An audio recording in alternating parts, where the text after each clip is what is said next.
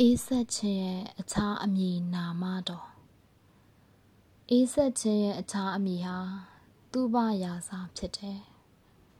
ဒါမှမဟုတ်ဝတ်မင်ပြီးဖြစ်တယ်ဒါပေမဲ့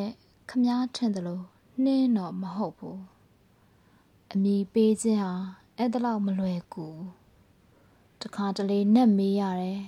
တေသူနဲ့ဆက်သွယ်ရတယ်ဟိုဘက်ကမမြင်နိုင်တဲ့အရက်မှာရောဘ လို့နာမည်တွေခစ်စားလဲဥပမာလူတယောက်ကိုအေးဆက်တဲ့နွားနိုးလို့ခေါ်လို့ရလားပေါ့မဖြစ်လို့လဲဆိုတော့အဲ့ဒီစာသားဟာငါကောင်းထဲမှာစွဲနေကြလို့ပဲ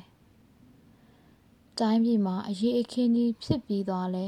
အဲ့ဒီစာသားဟာငါမှတ်ညံတွေကထွက်မသွားဘူး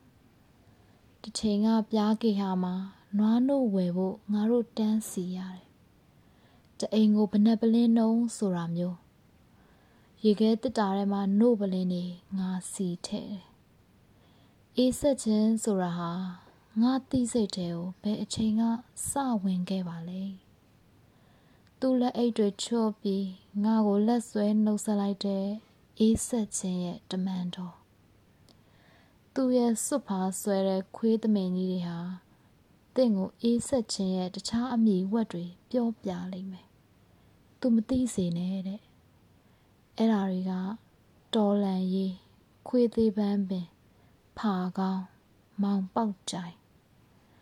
မောင်ပေါက်ကြိုင်ဆိုတာချစ်သူအယိုးစတိုးလုံးဆိုတဲ့မောင်ပေါက်ကြိုင်ပဲပေါ့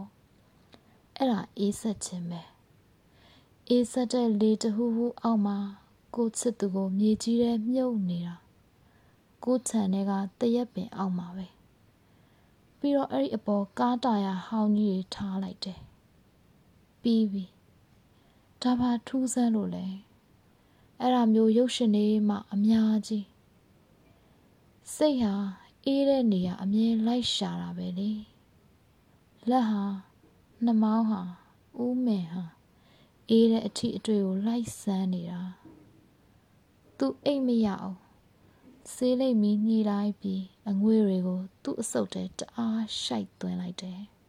။အဲ့ဒီအသက်ရှင်မှုဆိုတာဟာလေအေးဆက်ခြင်းရဲ့အခြားအမည်နာမတော်